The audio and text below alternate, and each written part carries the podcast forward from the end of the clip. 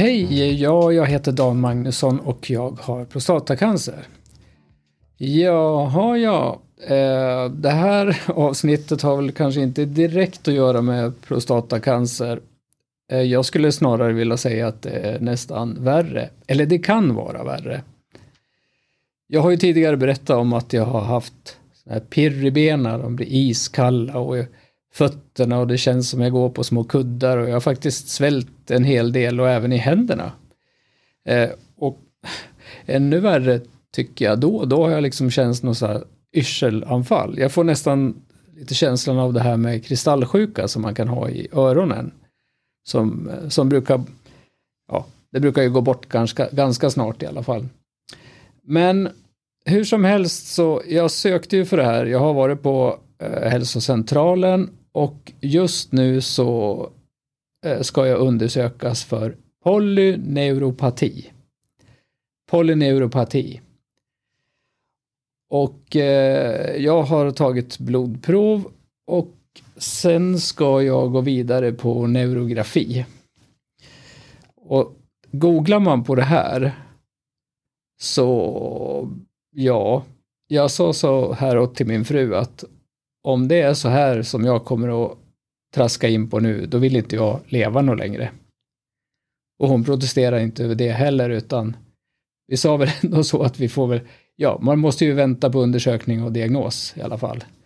Men jag, jag orkade gå igenom just det här nu, men tittar man på det här så är det ju en nervsjukdom eh, som kanske kommer smygande, det kan vara ärftligt, det kan bero på cancer, massa annat och Ja, hur som helst så är det ju jättetrist läsning. Det är ju definitivt allvarligt i alla fall.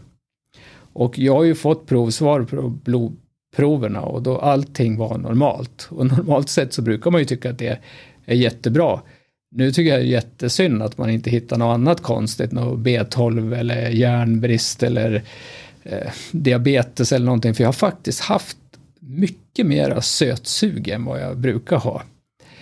Eh, men som sagt var, allt där var ju tyvärr normalt. Så nu är det ju den här neografin då, där man ska kolla. Alltså korthet så är det ju någonstans att det nerverna, min hjärna och nerverna och någonstans så finns det någon dysfunktionalitet som oftast börjar i fötter och underben.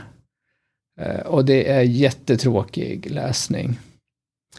Och, och apropå det här med liksom att inte leva längre, är återigen det här med positiv och optimistisk. Alltså, jag är inte alls det.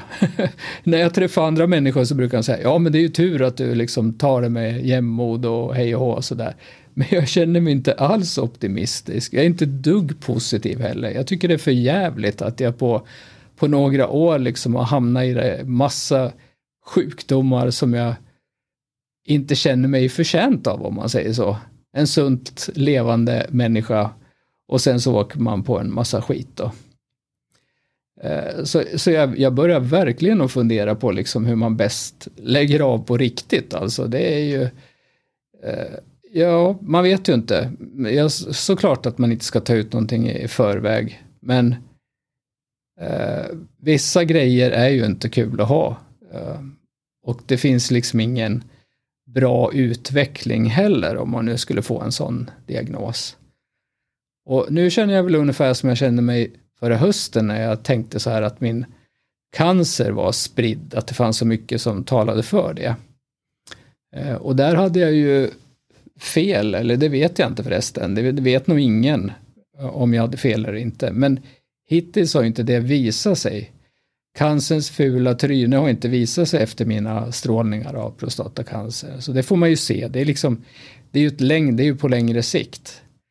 Men det här med pirrande i benen och, och det här som jag känner nu med eh, det har ju eskalerat under de senaste, jag har väl nämnt det här i programmen också, men liksom typ två månader eller någonting. Eh, och eh, än så länge är jag ju på benen och, och går och har det som jag brukar ha, men vi får väl se. Eh, jag kollar också lite på träning, det gäller ju att hålla igång sådär då, men helst inte styrketräna, vilket jag absolut skulle behöva med tanke på att jag håller på att tappa alla muskler på armar och ben. Då. Ja, nej, positiv, nej, inte ett jävla skit skulle jag vilja säga. Det är, det här är för jävligt helt enkelt. Um, men det finns ju inte så mycket att göra åt det heller. Vad gör man? Man får ju liksom leva vidare så länge det, så länge det går. Uh, och det, man kommer ju liksom naturligtvis också anpassa sig och förändra sig, men just nu så känns det skit. Så jag hoppas att jag får något bättre att berätta om nästa gång, så vi hörs.